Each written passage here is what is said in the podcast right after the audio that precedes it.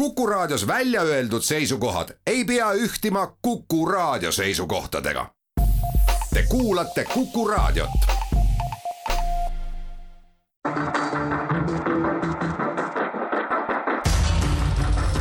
muuli ja Aavik. muuli ja Aavik. tere päevast, kell on kaheksa minutit üle üheteistkümne, nagu reedel ikka, algab sel kellaajal saade Muuli Aavik, stuudios on Kalle Muuli ja Mart Jaavik. tere! noh, täna meil väga palju neid teemasid ei ole, aga see-eest on suured ja tähtsad teemad, räägime hakatuseks valitsuskriisist, vaatame siis võiks ütelda, et lahkuvale valitsusele tagasi ja, ja uuele saabuvale valitsusele edasi. ja teiseks räägime inflatsioonist, sellest, et Euroopa Keskpank on lubanud tõstes intressimäärasid ja mida see kõik tähendab. kolmandaks, kui saate lõpus veel nendest kahest tähtsast ja väärikast teemast aega üle jääb, räägime Angela Merkeli pikast intervjuust, mis ta siis nüüd esmakordselt pärast Ukraina sõja algust andis, Angela Merkel on endine Saksa kantsler, kes siis sisuliselt on kogu selle sajandi või, või suure osa sellest sajandist Venemaaga suhteid rajanud ja võib-olla ka natukene vastutav selle olukorra eest, mis praeguseks on tekkinud. muuli ja Aavik. aga alustame valitsuskriisiga. no pruukis mul eelmine saade siin ütelda, et Kaja Kallas võib Kadriorgu minna ka seitsme ministri lahkumisavaldusega, ei pea ta tingimata iseenda tagasiastumisavaldusega minema. kui paar tundi hiljem see juhtuski, ma arvan et ta ei teinud seda küll minu soovituse peale, aga no ära ole nii tagasihoidlik et võib ju vaielda selle üle, et, et kas see viis, viis valitsust vahetada on nüüd kõige korrektsem. ma arvan, et niikaua, kui, niikaua kui valitsus on vähemusvalitsusena ja ja, ja peaminister tahab sellist vähemusvalitsust juhtida, et põhimõtteliselt ei ole ju põhiseadust rikutud, aga aga kui tahta uut valitsust teha, siis tuleks tegelikult kuidagi teistmoodi käituda. ma arvan, et uus valitsus oma, võiks oma mandaadi ikka saada nii, nagu valitsused tavaliselt saavad Riigikogust, peaminister ja siis kõik muud õnnistused ja ametisse astumised takkajärge. aga võib-olla, et enne, kui me läheme nagu uue valitsuse juurde, võiks visata pilguga veidi tagasi, et miks see valitsus üldse lagunes ma ei ole näinud ajakirjanduses ühtegi sellist põhjalikumat ja head analüüsi, et et iseenesest ju alustati tohutu lootusrikkalt. mäletad, päikesetõus, presidendi lossi või presidendi äh, trepil, kus, kus kõik siis seisid kodikul ja see pidi Eestile siis sellise päevavalguse tooma ja tegelikult ju see lagunemine leidis aset äh, väga kiiresti, minu meelest oli detsembriks juba valitsuse omadega otsas. Ukraina sõda lihtsalt lükkas seda valitsuse nii-öelda ametlikku lagunemist tagasi, aga ma tean, et juba jaanuaris käidi Isamaa erakonna juures mõlemalt poolt, nii Keskerakonna kui Reformierakonna poolt küsimas, et kas Isamaa oleks valmis appi tulema ja valitsust vahetama. et, et kõik see lõppes kuidagi väga hädiselt ja minu meelest on tegemist Eesti ajaloo ühe kõige kehvema valitsusega ka, kui ma tagasi vaatan. nojah, et äh, see päikesetõus on muidugi äh, tore retoorika ja ilmselt ta oli siis seal eelmiste sündmuste peale, ütles vabariigi president Kersti Kaljulaid tollel hetkel midagi sellist ja kutsus nad seal hommiku, varastel hommikutundidel äh, Kadrioru lossi ette poseerima et eks ikka selliseid märgilisi asju ju poliitikas üritatakse teha. aga ma arvan, et et see, mis oli ilmselt sellele valitsusele üllatuseks, oli veidral kombel üllatuseks, oli nagu koroonakriisi lahendamine, et Reformierakonna programm oli ju hästi liberaalne, et majandust kinni ei panda, midagi ei piirata, lõppkokkuvõttes olid ikkagi põhilised tülid Äh, nende suhteliselt väikeste piirangute ümber, mis Eestis olid, äh, ka see koroonapass tundus ju olevat algse idee järgi, kui ta umbes poolteist aastat tagasi mõttena sündis, võib-olla isegi kauem, ei mäleta täpselt, äh, niisugune lahendus, et inimesed teevad sama vaktsiinid ära ja ühiskond avaneb äh, äh, järk-järgult siis neile õnnelikele, kes on vaktsiinid kätte saanud, selgus, et ka sellest tuli tüli ja osaliselt puhuti üles, eks ole, et kindlasti oli inimesi, kes ka kusagilt said raha selleks, et et siis teisi inimesi üles kütta, et, et ärge minge seda vaktsiini tegema, et see on kohutavalt ohtlik ja kõik, kõik, mis oli, oli. nii et ka lisaks oma ebaõnnestumistele või oma eh, mingisugustele möödapanekutele on eh, siis saanud tegelikult see valitsus mõlemalt poolt, nii eelmisel aastal, nii nende poolt nagu mina, kes oleks meelsamini näinud seda, et seda Eh, viirust oleks otsustavamalt jõulisemalt eh, tõrjutud, tagasi hoitud kui nende poolt, kes olid siis väga liberaalse programmiga.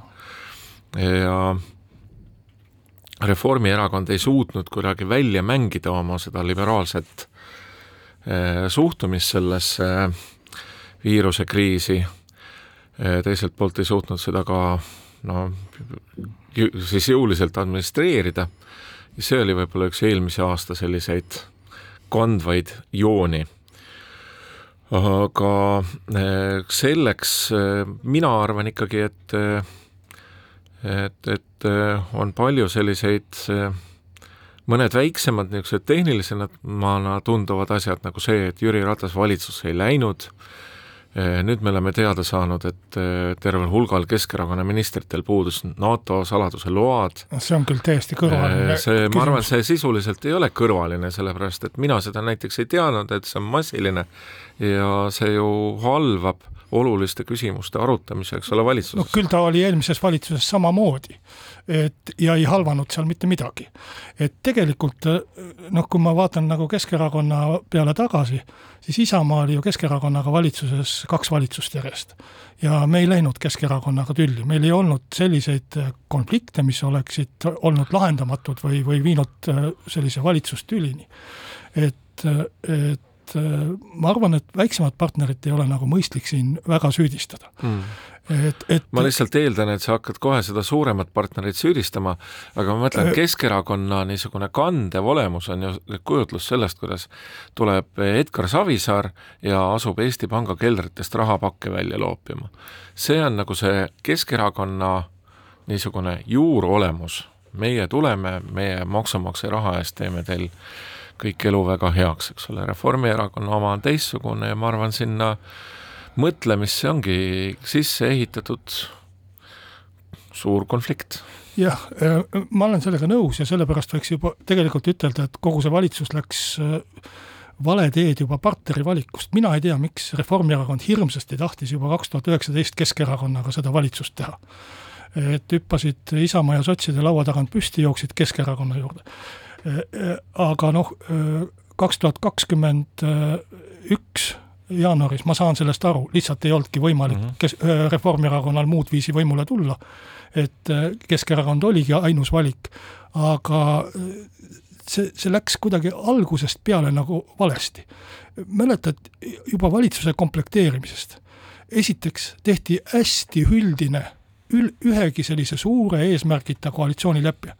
Valitsusel peab olema suuri eesmärke, tal peab olema mille nimel pingutada, see liidab ja, ühendab valitsust. aga kui sul on ebamäärane, ilma ühegi tõsise eesmärgita lepe, lepe, siis äh, sa hakkad kõike seda läbi vaidlema, mis edaspidi tuleb, äh, sul, sul ei ole nagu ühist sellist pingutussihti.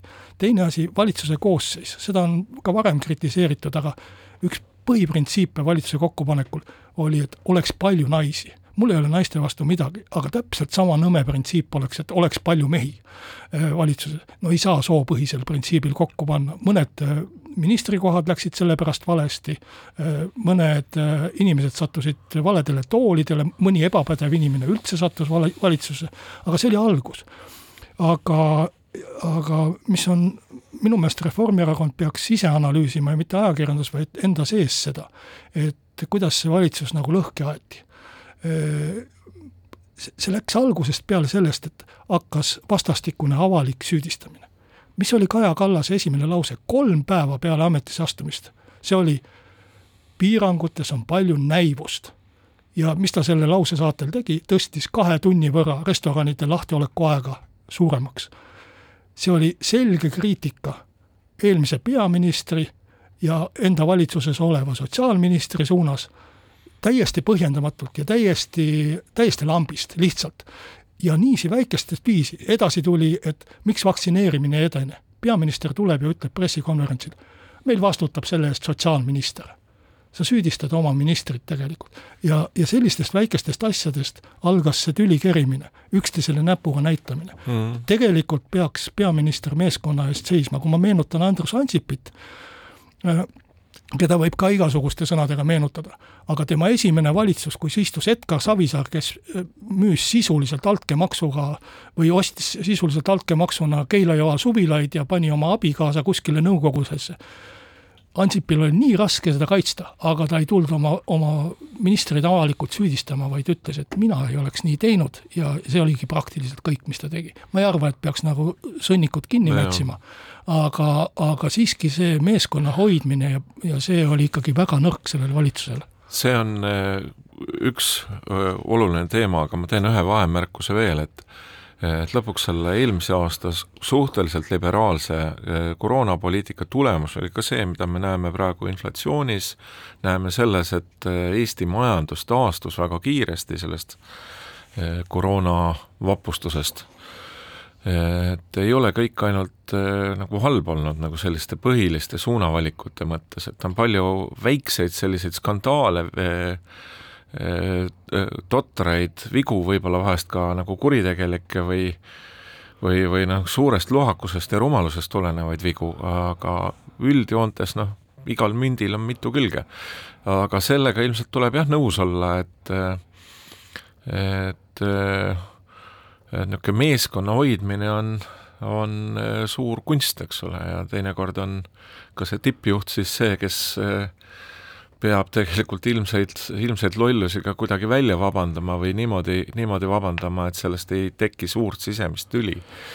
minu soovitus Reformierakonnale küll on, et see, et, et pärast seda analüüsi peaks muutma suhtumist oma koalitsioonipartnerisse, et koalitsioonipartnerit ei, ei tohi käsitleda konkurendina. ehkki ta võib-olla poliitilisel maastikul tegelikult on konkurent, nagu Keskerakond ja Reformierakond teineteisele olid et sa pead ikkagi käsitlema teda oma meeskonna liikmena, sa pead tahtma, et tal läheb hästi. kui sa tahad, et Kalle, su olen... kui sa tahad kogu aeg, et su konkurendi reiting, reiting langes ja langeks ja enda oma tõuseks, siis küsin, küsin siis... vastu, et aga need valitsusdelegatsiooni liikmed olid ju kõik väga rahul kuni viimaste nädalateni. no ministrid on alati valitsusega rahul, sellepärast et nad ise teevad seda valitsust ja ise seal valitsuses on. no aga kui, kui see konkurendi hoidmine või, või koalitsioonipartneri hoidmine oleks nii hirmus halb olnud, siis Äh, oleks ju ka need ministrid seal olnud väga rahulolematud, mida me ei näinud. et ma arvan, et ikkagi üks suur põhjus on see, et kui tahetakse koostööd teha, siis tuleb seda koostööd teha ühes organisatsioonis ja selge hierarhiaga ja kui on kuskil mingisugused sisse ehitatud hallid kardinalid, kes siis päriselt kõrvalt otsustavad, siis asjad äh, kipuvad lörri minema teooria järgi ja me nägime seda ka praegu, et et äh, kui tuleb järgmine valitsus, ma arvan, minu tagasihoidlik soovitus on küll, et kõik osalised peaksid, põhiotsustajad peaksid olema siis seal sellesama laua taga ja selles samas meeskonnas, mitte kuskil institutsioone mööda laiali. no ma võin ütelda, et ilmselt, ilmselt äh, ikkagi ühe erakonna juht tulevases valitsuses ei ole äh, ei ole selles valitsuses aga, aga see on meie äh, reklaamipausi järgne teema juba, aga ma, ma tahtsin selle jutu lõpetuseks ütelda, et su suhtumine koalitsioonipartnerisse peab olema see, et ma tahan, et mu koalitsioonipartneril läheks ka hästi. mitte ainult, et mul läheb hästi, kui tal läheb halvasti, siis ta hakkab sealt valitsusest ära tahtma ja siis on tülid. et äh, nii see on, aga teeme siinkohal ühe reklaamipausi.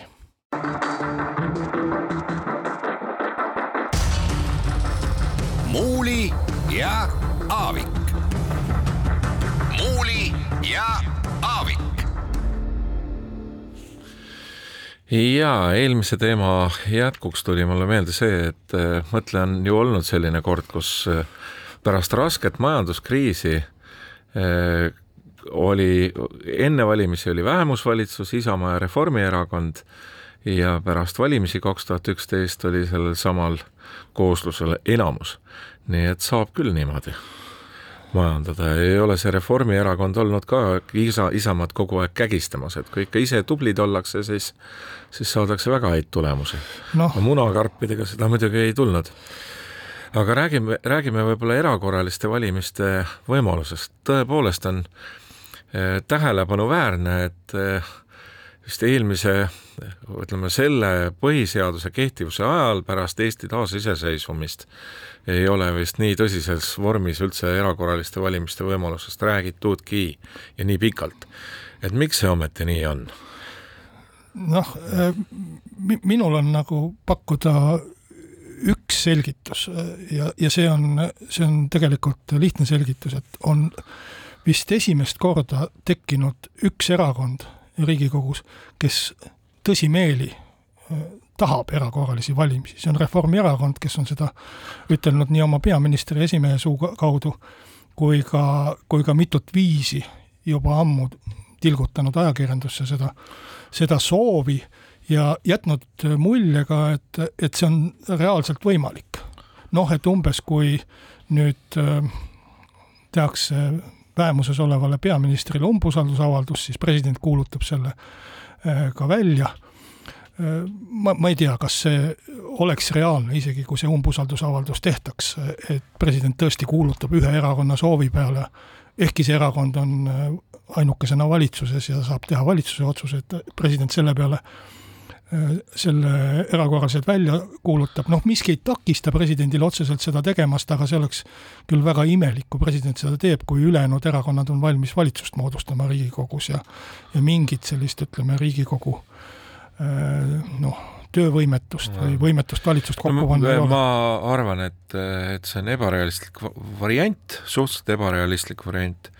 Ma ka eriti ei usu sellesse, et Reformierakond oleks tingimata väga huvitatud sellest erakorralistest valimistest kui sellistest, aga see on lihtsalt üks võimalik või üks malakas, mida siis läbirääkimistel kasutada, eks ole, et Reformierakond mingis mõttes nagu hetkeks oli nurka mängitud ja see on variant, mida nad eh, saavad siis selles poliitikamängus teie ülejäänute vastu kasutada. noh, seda jah, ja, ja võib-olla, et eh, ega sa ju ei tea, mis juhtu, juhtuks ja, ja seda saab siis kasutada selle vastu, et noh, ärge peaministri umbusaldust avaldage, et me läheme siis eh, Kadri Orgu presidendi juurde ja, ja keegi ei tea, mis siis president teeb.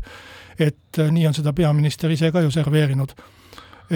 aga noh, põhimõtteliselt me peaksime ikkagi olema tänulikud oma põhiseaduse loojatele, kes, kes äh, sisuliselt on erakorraliste valimiste võimaluse välistanud, sest noh, ma küll tunnen, et suur hulk rahvast ja ilmselt alati on neid, kes ei ole oma valikuga rahul ja, ja tahaksid neid erakorralisi valimisi. ma ei arva, et see on enamus, aga, aga siiski arvestatav hulk, kes seda tahaks. aga kui te hakkate nüüd järele mõtlema, mis siis reaalselt need erakorralised valimised toovad kui me seda täna teeksime, selle otsuse, president kuulutaks välja, siis nelikümmend päeva on valimiskampaaniat, augusti alguseks oleks valimised või juuli mm. lõpuks.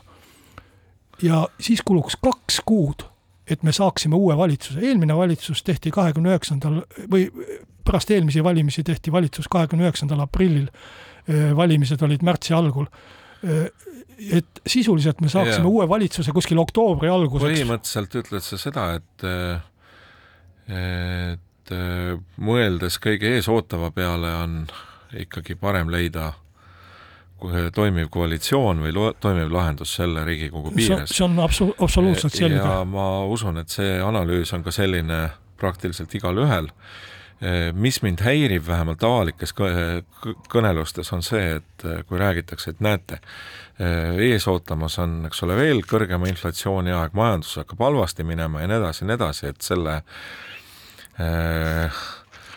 ühesõnaga poliitikute jutt, kes näivad, ootavad seda, et, et Eesti rahval läheb väga halvasti ja siis nad saavad süüdistada seda, kes on valitsuses olnud ja saavad kevadel hea valimistulemus. no need, kes opositsioonis on, need kõik äh, ilmselt jah, ta-, tahes-tahtmata ütlevad seda välja, aga, aga õnneks on Eesti põhiseadus tehtud nii, et ma pakuksin küll, et siin on kogu aeg erakorraliste valimiste tõenäosus on nullilähedane, sest see tähendab seda, et Riigikogu enamus viiskümmend üks häält vähemalt, peavad otsustama mm., et nad saadavad ennast ise eh, erako-, enne tähtaega laiali, loobuvad enda mandaadist lähevad uuesti põllu peale pastakaid jagama. Eh, et noh, ma arvan, et viitkümmend ühte inimest eh, Riigikogust ei leia no, mitte, mitte kunagi, kes seda tahaks teha põhi,. põhimõtteliselt loogika on selles, et Riigikogu peab olema ikkagi täiesti umbes sisuliselt töövõimetu seal on ju, tingimused on sellised, et kui eelarve ei ole vastu võetud järgmise aasta alguseks ja mis veel, eks ole, ja tegelikult see eh, variant, millest praegu räägitakse, tähendab ju seda, et eh, valitsuskoalitsiooni loomine äh, selle olemasoleva Riigikoguga ei ole lihtsalt võimalik, eks ole, see on see loogika. ja tegelikult, kui me vaatame Riigikogule otsa, siis on võimalik seal luua vähemalt kaks enamusvalitsust ja põhimõtteliselt on võimalik ka lasta jätkata praegusel olemasoleval vähemusvalitsusel, noh, kui sotsid tahavad või et see on lisaks no, minna. Äh, puht aritmeetiliselt on neid kombinatsioone veel rohkem. jah, aga, aga ma räägin reaalselt ja. kombinatsioonidest, nii et Riigikogu on vägagi vägagi võimeline seda valitsust moodustama ja ma arvan, et me lähinädalatel näeme, et see ka moodustatakse. okei okay.. aga teeme siinkohal enne seda, kui me läheme uue valitsuse juurde ja vaatame, kes selle moodustavad, veel ühe reklaamipausi. muuli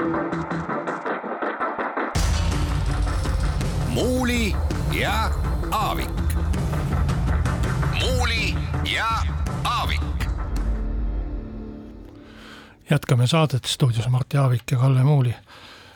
no lõppev nädal on siis toonud kaasa ka esimesed sellised kompamised või konsultatsioonid uue valitsuse moodustamiseks Isamaale on teinud siis nii Reformierakond kui Keskerakond ettepaneku moodustada uus valitsus, üks siis koos sotsiaaldemokraatidega ja teine koos EKRE-ga ja sellised esimesed kõnelused, mida kindlasti ei saa nimetada koalitsiooniläbirääkimisteks, on toimunud ja homme siis peaks Isamaa oma volikogul öö, otsustama, et kellega siis neid koalitsioonikõnelusi alustada, et iseenesest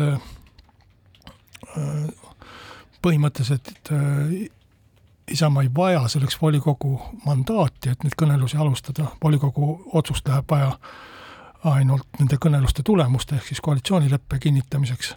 aga kuna volikogu oli nagunii juba kokku kutsutud muudel põhjustel selleks ajaks, siis on ka nagu imelik, kui volikogu üldse ei arutaks, et kellega me nüüd seda valitsust tegema hakkame, et selline on siis äh, see taust ja seda volikogu otsust äh, kahtlemata kindlasti võetaksegi siis suunisena, nii et äh, homme saab olema põnev päev no ootame väga siis, mida Isamaa tegema hakkab, ma lootsin, et sa oma sissejuhatuses räägid ära kõik, mis, kõik, mis plaanis on, et ka me ülejäänud ju vaatame seda nagu musta kasti, et ma olen küll terve hulga inimestega rääkinud ja kuulanud teiste jutte tähelepanelikult, mis nad on avalikes intervjuudes öelnud. Ja mulle, mulle jääb mulje, et on palju neid, kes eh, tahaksid seda eh, vana Laari ja ütleme, Ansipi aegset kolmikliitu, eh, on neid, kes tahaksid hirmsasti EKRE varjus olla, aga päris lahendus vist on võib-olla hoopis mingisugune kolmas.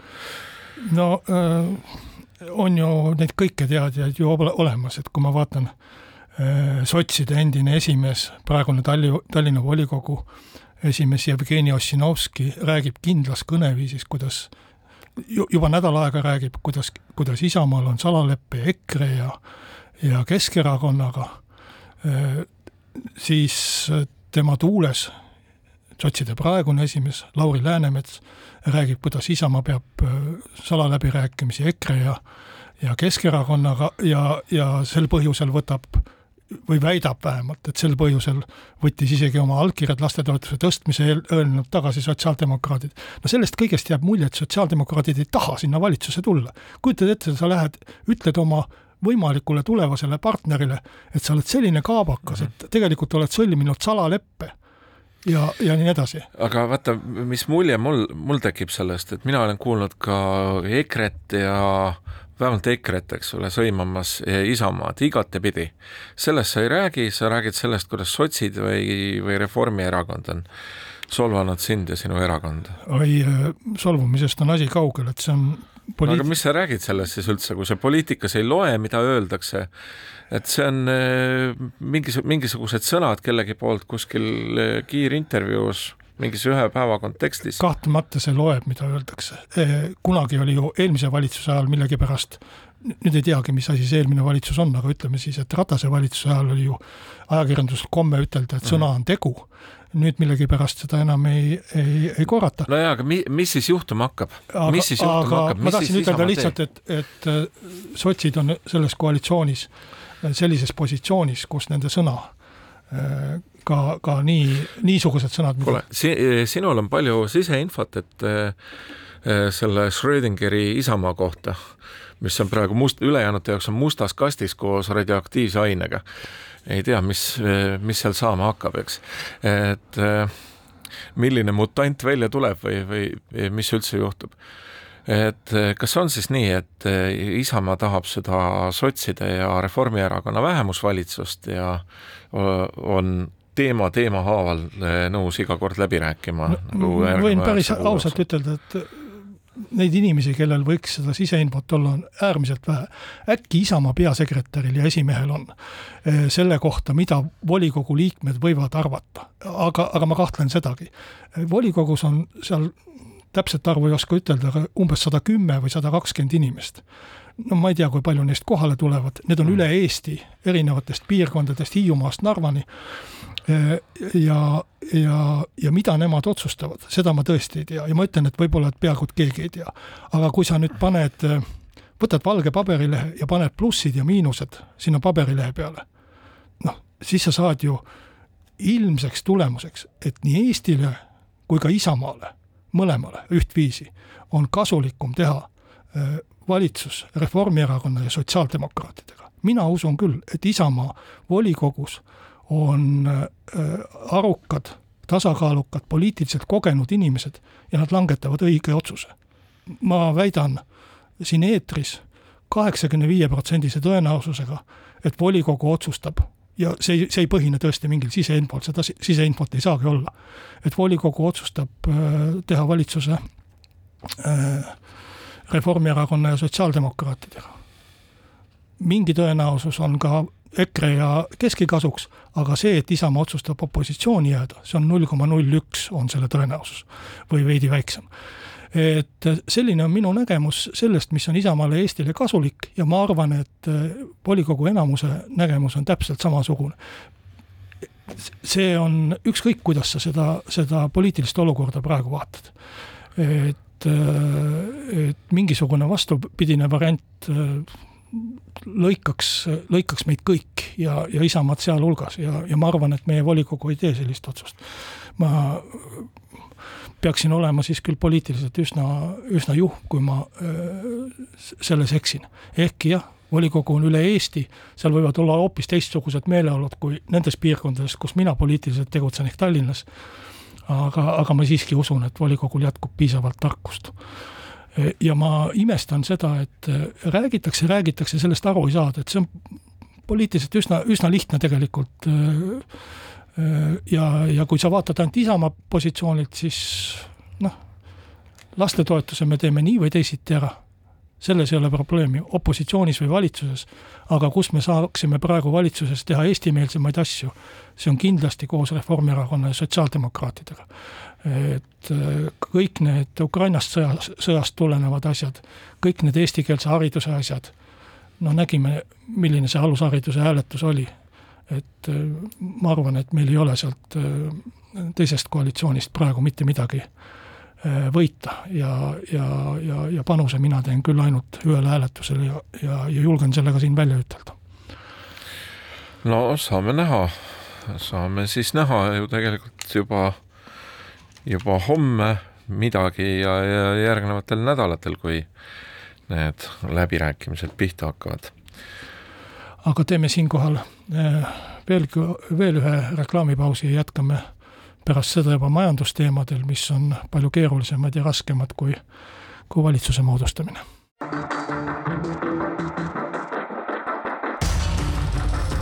muuli ja Aavik ja Aavik. räägime edasi euro seisust ja inflatsioonist või tegelikult rahandusest üleüldse.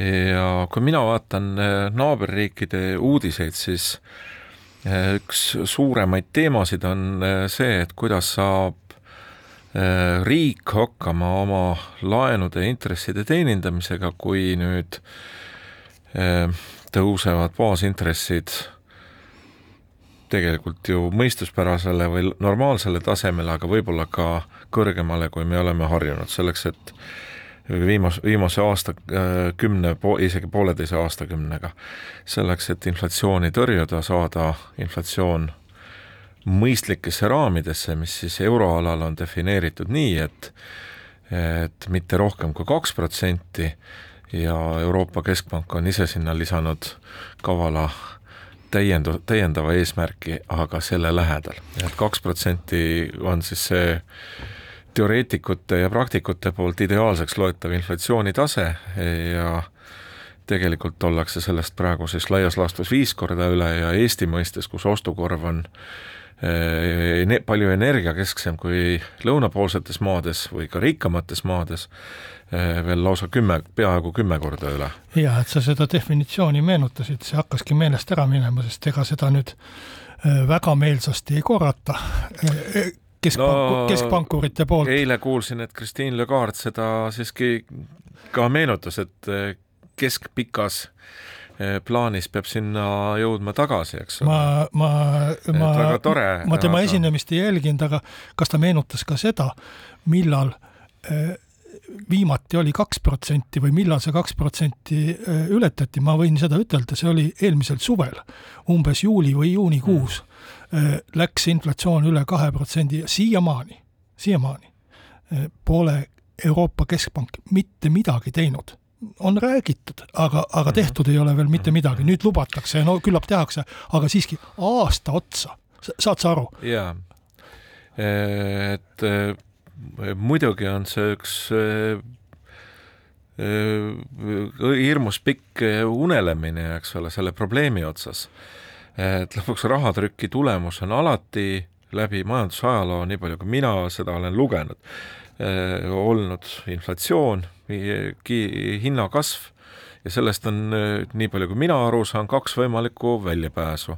kas sa tõmbad äh, kruvid koomale, ehk siis Euroopa Keskpanga näitel äh, baasintressi kiiresti üles, mis tähendab šokki majandusele, või sa teed seda siis samm-sammult aeglaselt ja talud pikema perioodi, perioodi jooksul seda kõrgemat inflatsiooni ja mitmete aastate jooksul jõuavad siis oma eesmärgini tagasi.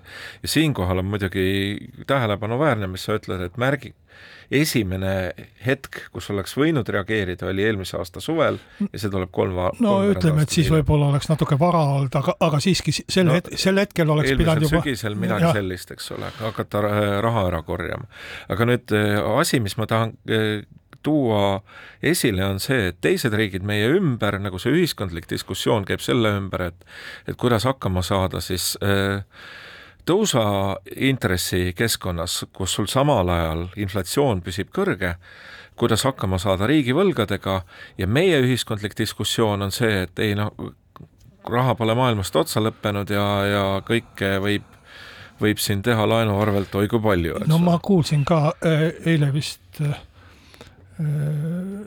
üks Reformierakonna Riigikogu liige rääkis, et noh, odavate laenude aeg on nüüd läbi. mõnes mõttes on need laenud endiselt odavad, eks. et, et nüüd tuleb ikka maksma hakata, nüüd laenu võtta ei tohi.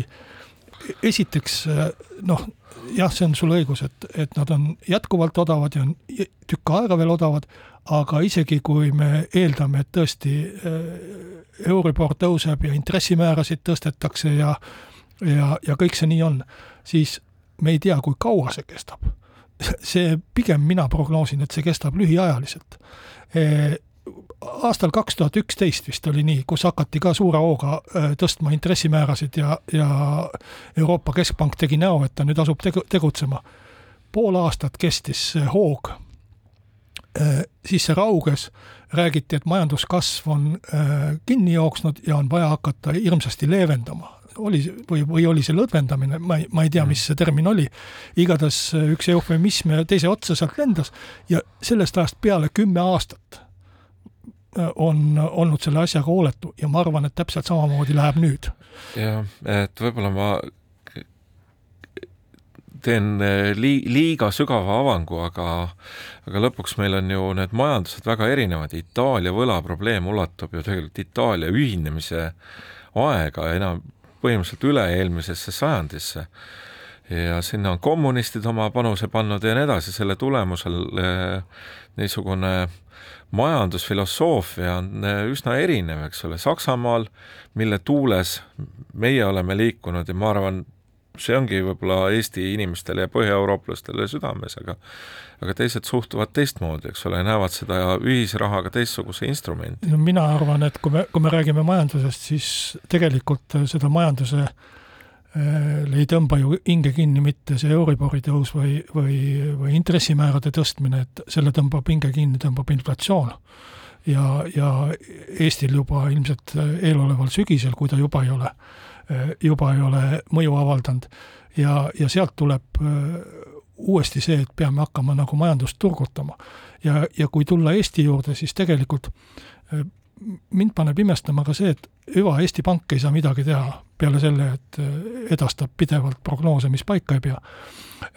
aga, aga ka valitsus ei ole midagi teinud. et, et e-, Eesti aga..., Eesti, Eestil on see inflatsioon olnud ju väga kõrge peaaegu sama kaua aega, kui me siin rääkisime Euroopa Keskpanga ületusest. Äh, kõikvõimalikud energiatoetused äh, olid ju, eks ole, mille Need olid toetused seal..., aga need ei olnud inflatsiooni allasurumine. Äh, mille üle me siin vaidlesime. ma olen, olen, mul on hea meel, et need toetused jah, olid. et see, kas käibemaksu langetamisega saab inflatsiooni hirmsasti alla suruda, nagu ilmselt sa tahad öelda, on see on ju paras niisugune umbsõlm, et, et me tahame ühelt poolt, meil on vaja kaitsekulusid tõsta. sinu erakond tahab tõsta lastetoetusi, aga mina arvan, et seda, et see on päris hea plaan.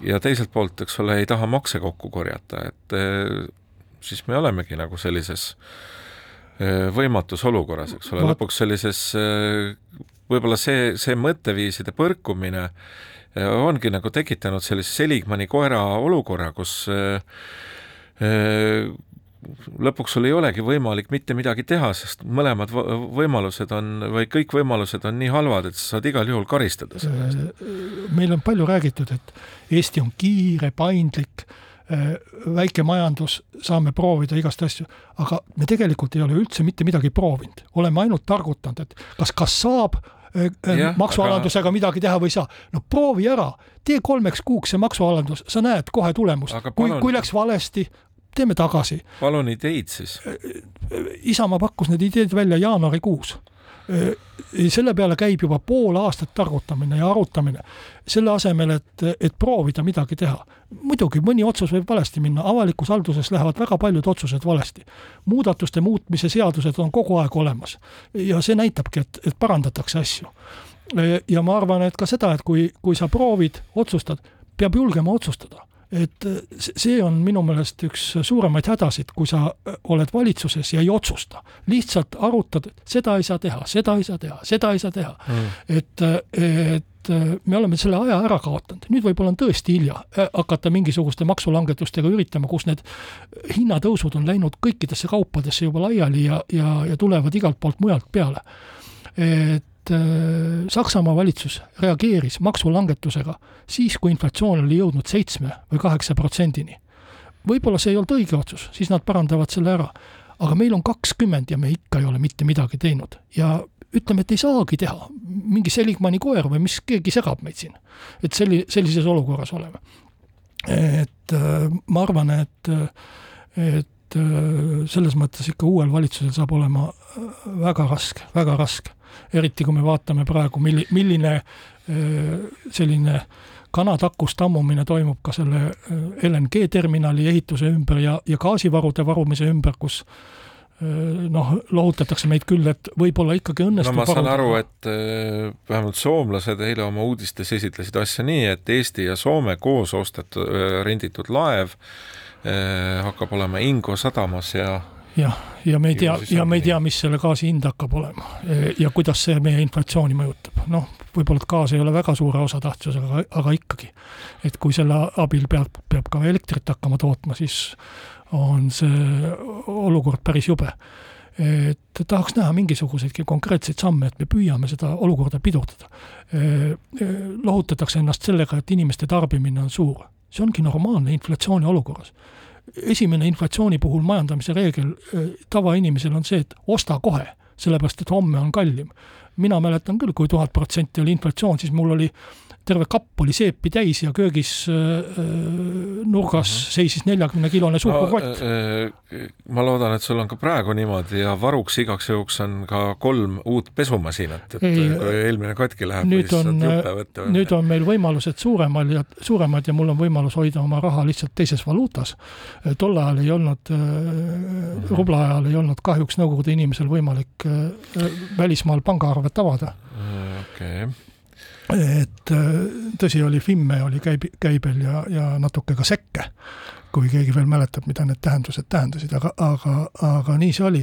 et äh, tegelikult olukord on hullem, kui ta praegu paistab, et inimesed äh, tarbivad, aga, aga see tarbimine ongi inflatsiooniline tarbimine, kokkuostmine ja, ja arvestusega, et täna on odavam kui homme ja et kõik, mis sa täna saad, on tegelikult allahindlusega. vot sellepärast mul ongi tagasihoidlik soovitus, et tehke siis ära see sotsidega ja Reformierakonnaga valitsus ja minge, minge ja valitsege ja tehke mõistuspäraseid otsuseid, jõudke kokkulepetele, et et, et see sügis ei oleks hull. mis et... ma tahtsin ütelda võib-olla, et saate lõpetuseks on see, et see, et me alustame kellegiga läbirääkimisi, ei tähenda, et need läbirääkimised ka kokkuleppega lõpevad, et seda ei ole Eestis väga sageli juhtunud, et koalitsiooniläbirääkimised lõpevad äh, ei millegagi ehk koalitsiooni mittemoodustamisega, aga, aga aga seda on juhtunud vahel, üks-kaks korda minu teada.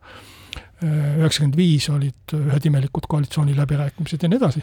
aga, aga põhimõtteliselt ei maksa arvata, et kui nüüd hakatakse läbi rääkima, et siis tulevad need läbirääkimised kerged, sest probleemid on väga tõsised ja ma arvan, et Isamaa on kindlasti väga tõsine läbi, läbirääkimispartner aga sellega on meie saade tänaseks äh, lõppenud. Äh, stuudios olid Mart Jaavik ja Kalle Muuli, järgmisel reedel jälle.